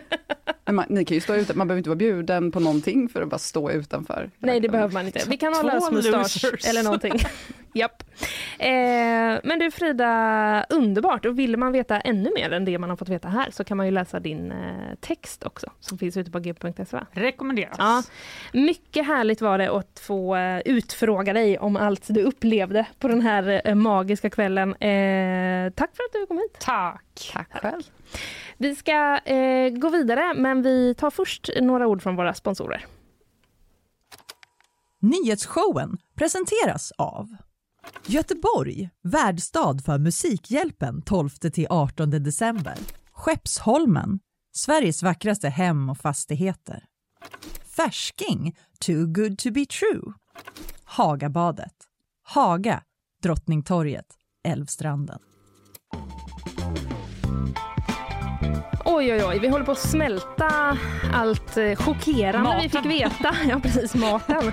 Allt chockerande vi fick veta om eh, Nobelfesten. Vilken eh, fest och vad underbart lyxigt det Ja, var att bara alltså- få ställa alla frågor man hade. Jag är så avundsjuk på Frida. Mm. Ska vi försöka gå nästa år, Fanny? Ja, du Jag kan väl uppfinna något? Ja, det var det jag kände. Att det får nog bli en uppfinning för jag tror Ja. inte att jag får gå på andra meriter. Eller att jag får försöka... Typ liksom- blygsamt men ändå inte. För att du bara, jag kan ändå uppfinna något som får Nobelpriset till nästa år. Verkligen.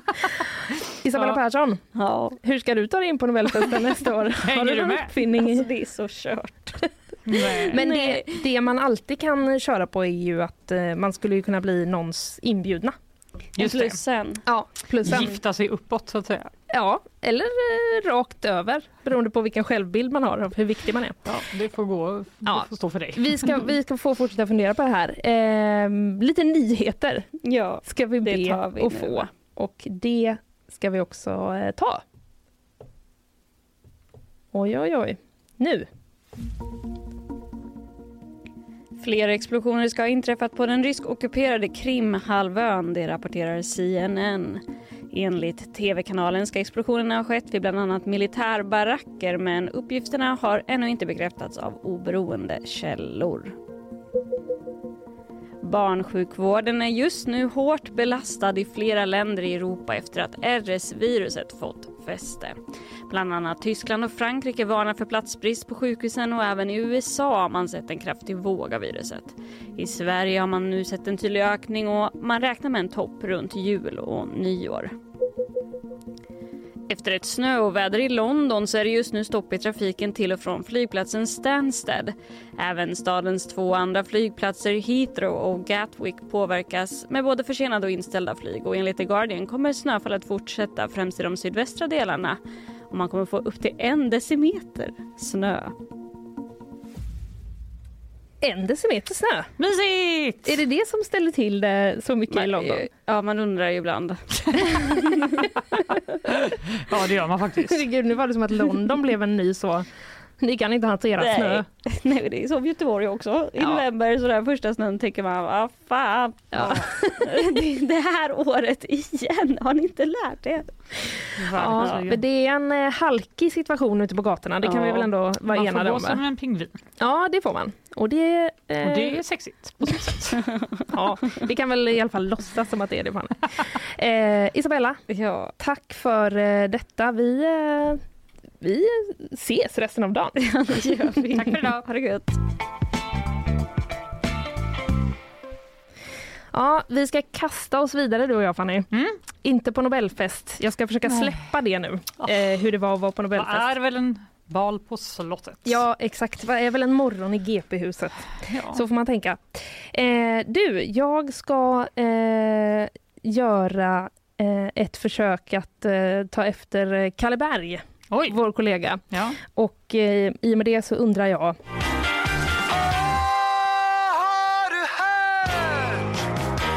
Vad som lästes mest på GP igår. Wow, tajt Linnea! Var det det? Otroligt tajt! Man känner ju pressen va? Ja, när någon men har du, lanserat du en sån här löste grej. det jättebra. Ja, men Och tack. nej, jag har inte hört Nej, du vad har som inte var det. mest på Det är ju fantastiskt för då kan jag avslöja det för dig. Ja. Det är nämligen en eh, artikel med rubriken Här är bolagen som betalar bäst lön i Göteborg. Mhm. Går folk i lite byta jobbtankar eller vill man bara alltid veta vad man kan tjäna bäst? Jag kanske? tror att man vill veta om det är så här, någon ställe där ens kompisar jobbar Mm. och att alla är bara fattiga nu. Som Ja, kanske vill byta det. jobb, Ja, få bättre lön. det kan vara så. Det är helt enkelt eh, kreditupplysningsföretaget Credit Safe. De har gjort en eh, lista på över de 100 företag som betalar bäst lön till sina anställda. Oj, det var en lång, lång lista. Ja, det, ja, det är en lång faktiskt. Kom, har vi Eh, hela den på GP? hela den har vi. Oj. Vi har hela listan. Mm. Gud vad det är. Hela listan har vi. Mm. Ja. Eh, det här är någonting som jag förstår som de gör eh, varje år. Mm. Eh, listar eh, företagen och eh, då Ja, listan inkluderar då aktiebolag med minst 50 anställda. Okej, Så är det. Eh, vissa krav finns för att få vara med på ja, men lite så. Mm. Har man typ ett eget för eller liksom en egen firma, Betalar svinhög lön till sig själv. Ja. Då får man inte vara med. då får man inte vara med. Det känns väl rimligt eller? Ja, det Mm. tänker jag ändå. Ehm, och på den här listan finns det fem Göteborgsbolag som jag tar, där personalen får miljonlöner. Nej! Eh. Jo, Ja, Jag blir direkt sugen på byta jobb. nej! Men jag älskar mitt jobb. Men Stanna, eh, Fanny. var är min miljonlön? Ja, det kan man i och för sig undra. Eh, i, på den här listan då, så är det de 12 första platserna, alltså de 12 där det är absolut högst lön, Mm. de är, det, är Stock, det är Stockholmsområdet. Ja. Men på plats 13 kommer vi. ja, det var inte illa. Mm. Topp tre eh, i eh, företag eh, där du får högst lön. Ja. Är du beredd? Ja. Eh, plats tre, SEB Investment Management. Okej. Ja, Pl- mm. Plats två, ABG Sandal Collier. What? Okänt Is för it? mig. Eh, och plats ett, EQT Partners aktiebolag.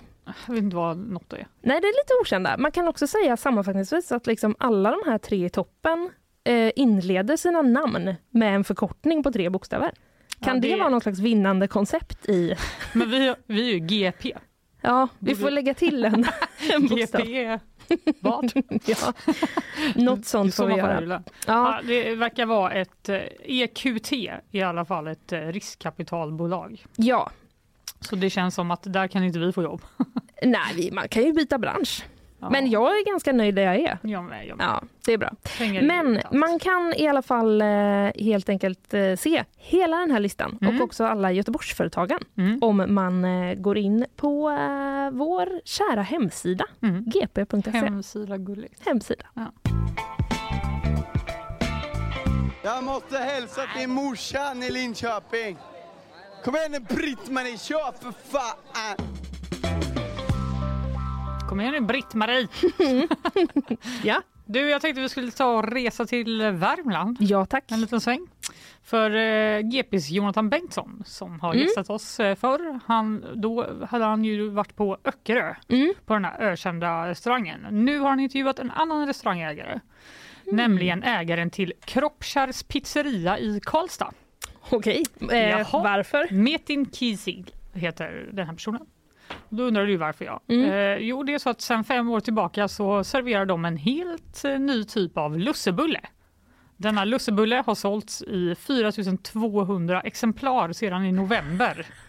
Det är något med att man kan säga exemplar om saker som går att äta. Ja, men det är väl väldigt mycket eller? Ja, det är 4 000. Ja, 4200 sedan november. Eh, När texten skrevs då. Ja. Och vad är det för konstig lussebulle undrar du? Jo, det rör sig om en lussekebab. Mm. Va? Jag vet. Okej. Jag läser nu i den här artikeln hur man gör en lussekebab gör så du kan få en... Stäng dina ögon Mm. och tänk på det här. Mm. Du delar en lussekatt. Du skalar ner rikligt med nötkött på bottenhalvan. Du placerar sedan saffranslocket på. Du gräddar den ömsint i ugnen. Efter detta mild sås, lite isbergssallad, tomat och gurka. Ej feferoni och lök, för det svarar illa mot saffransbrödet. Sugen? Eh, nej. Typ det, Det är typ- äckligaste jag hört i Ja. hela mitt liv. Eh, Ja, alltså typ faktiskt. Vad- Är det, men är det, det blir som någon slags liksom dubbelmacka då? Ja, det blir en, en dubbelmacka med kebab och sås i fast mackan är en lussebulle. Ja, jag, tyck, jag, eh, jag är inte, inte jättehoppfull inför hur det här skulle smaka. Nej, alltså det är ett mysterium för den här då är otroligt populär. Ja, men hur kan det vara det? Eller Ja. det kanske är jättegott. Det kanske är jättegott för det står så här. Första dagen som den här ägaren själv då serverade den här lustkebaben åt han själv tre stycken. Han kunde enligt Jonathan Bengtsson då inte besinna sig. Och nu Hmm. fem år senare menar han att han fortfarande äter en lussekebab om dagen eh, från november till januari. De kostar 105 spänn. Hmm. Ser på bild på g.se ut att vara ganska mycket mat dock. Det är Mm. ändå en hel måltid. Ja, Eh, och ytterligare en konstig detalj är att om du beställer den här eh, lussekebaben på plats då så serveras den med en liten kopp med eld. En kopp med etanol. Jaha. Mm, eh, för, För julkänsla då eller? ja, det är för att det är lite kul bara menar eh, Metin, den här ägaren. Eh, men vissa vill ha lusse, lussekatten lite varmare och då kan de varma bullen med eld. Gud, det är klart att det är den självklara lösningen på hur man får en lussekatt varm. Ja, alltså, Vi tar och bränner lite etanol. Ska man- Måltiden lussekebab med en kopp etanol till. Det är kanske inte på min drömlista Nej. av eh, julmat eh, faktiskt. Inte för dryck heller, etanolen. Viktigt att påpeka. Nej. Nej. Det kanske är någon som bara, en brinnande shot. Och så bara tar de det Ja, just det. av misstag. Man skulle ju kunna tänka nu, för att Karlstad var det i va? Ja. Mm, det är ju lite långt om man blir sugen på att prova, men man skulle ju också bara kunna köpa en vanlig kebab och köpa en lussebulle och prova. Eller bara låta bli.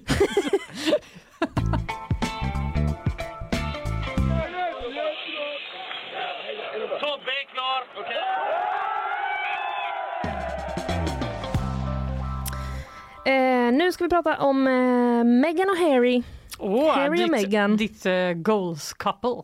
Ja, ja, ja, det, ja, jag erkänner. Det var jättegulligt och jag köpte allt. Ja. Men vet du, jag fick, eh, det var ju fredag som jag pratade om. Jag hade sett de tre första avsnitten i deras Mhm. dokumentär på Netflix. Jag minns tydligt. Ja, det var ändå styrkande att eh, jag var lite osäker på mig själv i någon slags eh, recensentroll. Ja, men du så du, fick, du gav mig beröm, så det kändes ja, bra efteråt. Men ja, de var ju väldigt gulliga tyckte jag och eh, andra tyckte att det var jättefalskt. Men sen fick jag lite faktiskt eh, medhåll. Det var Mm. fler som tyckte som jag. Mhm. Så att, då- då sträckte jag på mig och kände... Men det är ja, viktigt som recensent att faktiskt verkligen inte dras med i vad alla andra tycker. Man ska ha sin egen åsikt. Ja. Du har all rätt att bli skärmad av dem. Det är ju det som är mitt problem med recensioner, att jag inte kan stå kvar vid den då. Jag blir så här, det känns så otroligt Det var, det konstigt. var tydligen fake. Nej men det känns så otroligt konstigt att säga, jag har rätt i hur den här är. Det är någonting Men med du liksom... har rätt till din egen upplevelse. Tack Fanny. I alla fall, i de här eh, avsnitten då som har släppts, då har eh, Netflix tagit med ett eh, klipp från den här intervjun som eh, prinsessan Diana gjorde med, eh, vilken, vilken var det? Med BBC tror jag det var. Ja, som jag faktiskt pratade om när jag Ja. pratade om The Crown. Exakt. Just det. Mm. När, just det. Ja. Den, eh, den har de bett om att ingen någonsin ska använda igen. eh, Ja. Hovet. Precis, det var ju eh, liksom, eh, den har ju gjorts, gjordes ju liksom genom så inte helt okej metoder eh, på något sätt. Jag vet inte exakt vad de bestod i men bedrägligt beteende läser jag på Ja, Omni. det den- var att den här eh, reportern hade förfalskat papper och Mm. haft sig. Så det var nog inte helt okej. Nej. Faktiskt. Nej. Eh, men det finns i alla fall med ett klipp från den då i Netflix-dokumentären. Men Netflix har inte fått tillåtelse från BBC att använda de här rörliga bilderna, läser jag på Omni. Aha. Mm. Har de missat hela den här stora... Att fråga om lov. Ja, och att det också är extremt känsligt uppenbarligen. Ja, jag vet inte riktigt, men 42 sekunder av den här intervjun finns eh, med i första avsnittet av eh, serien. Och eh, det är politiska röster, skriver Omni, höjs nu för att BBC ska kräva att Netflix raderar klippen. Mhm. Som vi har sagt förut, BBC kommer aldrig visa programmet igen, säger en BBC-källa till eh, The Telegraph. Då. För jag har verkligen för mig att det var en av hennes egna söner, alltså prinsarna själva, som var kritiska till att den här intervjun skulle användas. Det är ju... Så då blir det ju lite konstigt. Ja, då borde det ju vara någon annan av, eh, alltså inte Harry då, för han har ju ändå varit med och liksom gjort den här dokumentären. Mm, kanske f- är mer okej när det handlar om honom själv. Hmm, du tänker så. Ska inte hänga ut någon. Nej, men, Det ja. kan vara. Vi får helt enkelt gå till botten med det här. Men eh, det verkar helt enkelt enligt då The Telegraph som att eh, BBC-cheferna inte vet hur Netflix har kommit över det här materialet. Oj, de har liksom Ehm, rippat den. Ja, men... De ja. bara, eh, vi får rippa den från Youtube. Ja, men, ja, precis. De vill inte svara på frågor, men en eh, Netflix-källa säger att allt material har godkänts när det kommer till upphovsrätten. Det undrar man ju hur det går ihop då, om BBC säger de har inte frågat. Mm, det låter som någon inte har gjort sitt jobb här. Ja, det skulle kunna vara så. skulle kunna vara en, eh, en sån grej att någon har inte gjort allt ordentligt. Men vi får väl eh, helt enkelt se om det här eh, klipps bort eller om det blir Ja, kvar. jag ska kolla på Meghan och Harry. Mm. Vi kommer aldrig ursäkta oss, utan vi har informerat om att en artikel finns eh, och jag tycker det är gott så. Ni kommer aldrig ursäkta er, säger du? Nej, det sa jag inte. Ja, fortsätter läsa vår egen tidning. Ja, Underbara GP. gör det. Nu på kulturdelen Mm. läser jag att Sveriges deckarförfattare bjuds in på en obduktionskurs. Ja, det känns... Eh... Är det verkligen okej? Nej, men jag vet inte riktigt. Vad känner du? Är det liksom typ att eh, rättsmedicins medarbetare är trötta på att eh, det inte återges korrekt i Det böckerna? var det jag tänkte. Men Ja. nu ska jag berätta vad, vad som gäller då. Mm. Det är en kurs på Rättsmedicinalverket som ska höja kunskapsnivån hos landets deckarförfattare och öka statusen för deras litterära genre. Deckare är ju som bekant hånad genre. Ja, Jag tror de här förläggarna som Frida satt med, Mm. de hade inte, de hade inte approvat. Om hon hade bara, jag ska skriva deckare. Nej, vad i- Ja, det är en bespottad genre som alla ändå läser. ja, det är det som är så speciellt, att den liksom ses ner på lite men den är ändå väldigt älskad. Exakt så är det. Eh, men då verkar det ju vara så att, jag läser i Jan Anderssons artikel här, Mm. att eh, Eh, Rättsmedicinalverket ska lära ut hur arbetar egentligen en rättsläkare? Hur identifierar man en avliden person och vad är viktigt att tänka på i samband med en, obduktion? Eh, och då undrar väl han, varför då? Varför ska ni hålla på liksom?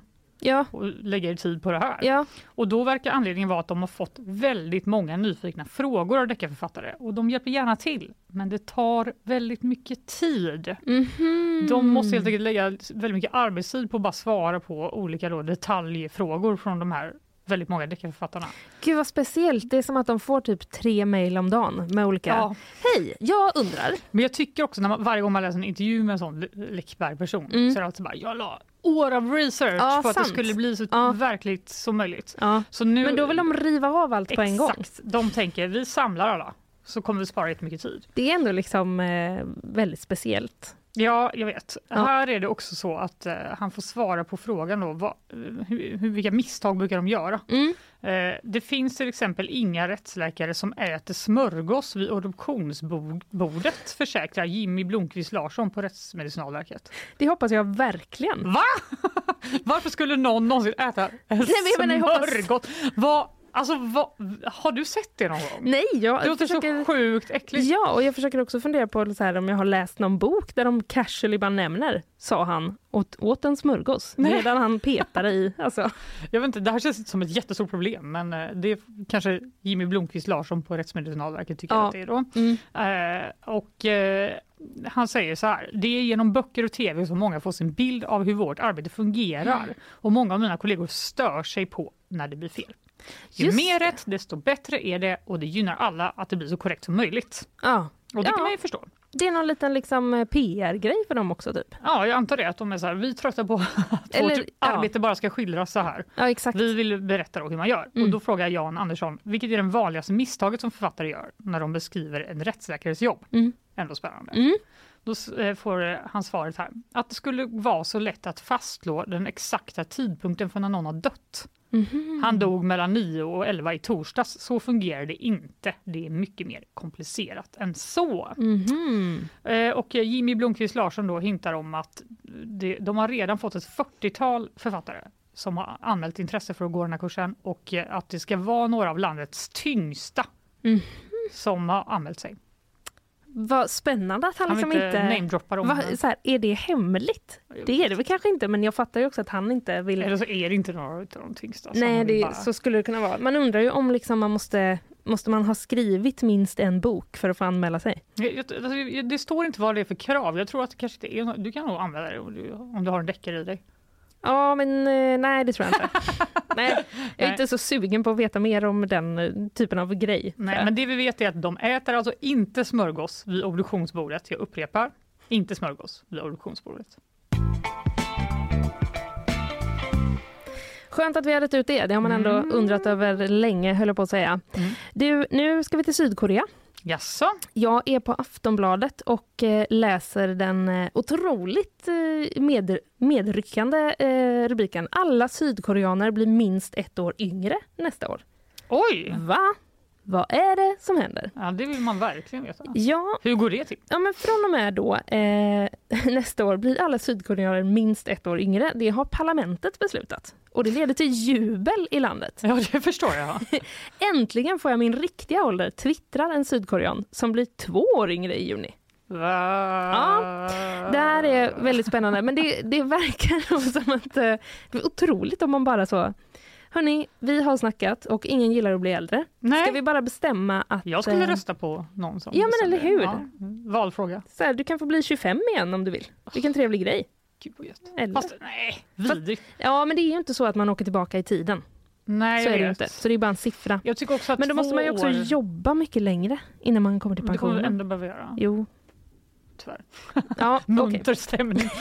Berätta varför de, varför de blev yngre. Ja, vi går tillbaka till Sydkorea istället. Börjar direkt tänka på oss själva. va? Japp. Ha, vad skulle det innebära för mig? Ja, precis. Ja. Eh, nej, men de, Sydkorea har då eh, haft eh, liksom ett unikt sätt att mäta ålder Mm. utifrån liksom, internationell standard. När man föds så är man redan ett år gammal. Nej. Jo, det skriver Reuters. Att det Du räknas så. Skämta. Nej. Det här är... Okej, så de räknar med då tiden i magen? Ja, men typ. Så att det liksom, Och lite till. ens, ens första födelsedag, då är man liksom ett år. Aha. Ja, så man blir liksom eh, spännande att de har hamnat i, eh, i det. Sen skriver eh, Aftonbladet så här också. Dessutom läggs ett år till personens ålder den 1 januari varje år, vilket i extremfallet kan betyda att en bebis född på nyårsafton fyller två redan dagen efter. Ja, för jag är ju född den första januari. Är du? Det är korrekt. Wow! Men det, då klarar jag ju mig då. Som jag hade varit född på nyår så hade jag blivit ännu äldre. Eh, ja, det tror jag, för du kan väl inte fylla år två gånger på samma dag? Det är väl ändå lite väl? Alltså, I Sydkorea, anything goes, som. ja, lite så. Men du, det här gäller inte för allt. Nej. Nej. Eh, till exempel om man vill köpa alkohol eller göra militärtjänst, då räknas åldern som i de flesta andra delar av världen. För det var faktiskt det jag funderade på också. Va? Det är tråkigt om man är liksom precis fyllt 18 och sen så Ja. är det så här, mm, du är 16 nu. Ja, Va, vad det. fan, du får inte gå ut på krogen. Du har tagit körkort ja, vi tar tillbaka det. Ja. För nu är du inte Det är ändå väldigt viktigt längre. när man är lite yngre. Mm. Vissa milstolpar. Det, det är ju då det är viktigt, så då kan jag tänka mig att eh, yngre personer kanske är emot det här. Ja, exakt. Utan att ha att- jättebra koll på efter- Sydkoreas eh, ungdomskultur. Nej, exakt. De kanske har andra regler. Men efter 30 kände jag att det inte spelar någon roll längre hur gammal man är. Nu spelar Mm, det spelar det inte roll liksom uppåt? Ens? Nej, det spelar Nej, ingen roll. alltså Nej. när jag blir 40 så Ja. kanske jag bryr mig. Ja, då kanske Men nu har jag dig. Mm. 10 år av att inte bry mig. Här. Jätte, jättebra. Det är jobbigt om jag måste återuppleva min, min fruktansvärda 30-årskris som pågick i ett år. Nej, det låter... För att någon så, parlamentet har bestämt det. ja, det var det Tillbaka igen. Fanny är tillbaka. Ja, du får uppleva det ett år till. Nej tack. Nej, men eh, det, den har fått, det här systemet har fått en del kritik då från eh, politiker som liksom tycker att surprise, det här systemet kan verka otidsenligt och bakåtsträvande. Och sjukt förvirrande. ja, det har de inte sagt just här, men det kan vi väl tänka mig. Ehm, så då eh, verkar det alltså att ehm, man ska genomföra det här så att man blir Jaha. ett år eh, yngre. Jag är inte helt klar än på liksom om de har klubbat det. Eh, men det Men alla blev glada uppenbarligen. Ja, det verkar så, i alla fall de flesta. Eh, jag kommer ihåg hur utlänningar kollar förvirrat på mig eftersom det tar mig så lång tid att svara på hur gammal jag är, säger 29-åriga Jong Dae-Jung till The Guardian. Alltså det är ju jättejobbigt. Egentligen är jag 28 men jag Ja. är 29 och beroende på om jag är född på nyår så kan jag, så kan jag vara 30. Exakt, det är ett väldigt speciellt sätt att mäta eh, tid Ja. i inte faktisk tid då. Ja. Men det verkar, eh, det leder till förvirring för vanliga Ja. sydkoreaner helt enkelt. Framförallt när de reser utomlands. Ja. De ska försöka räkna ut hur gamla de är, stackarna. Jobbigt och ja, personnumret borde i och för sig vara samma. Ja. Eh, så är det i alla fall. Senaste nytt eh, från eh, Sydkorea. Jag läste en oerhört god nyhet i GP.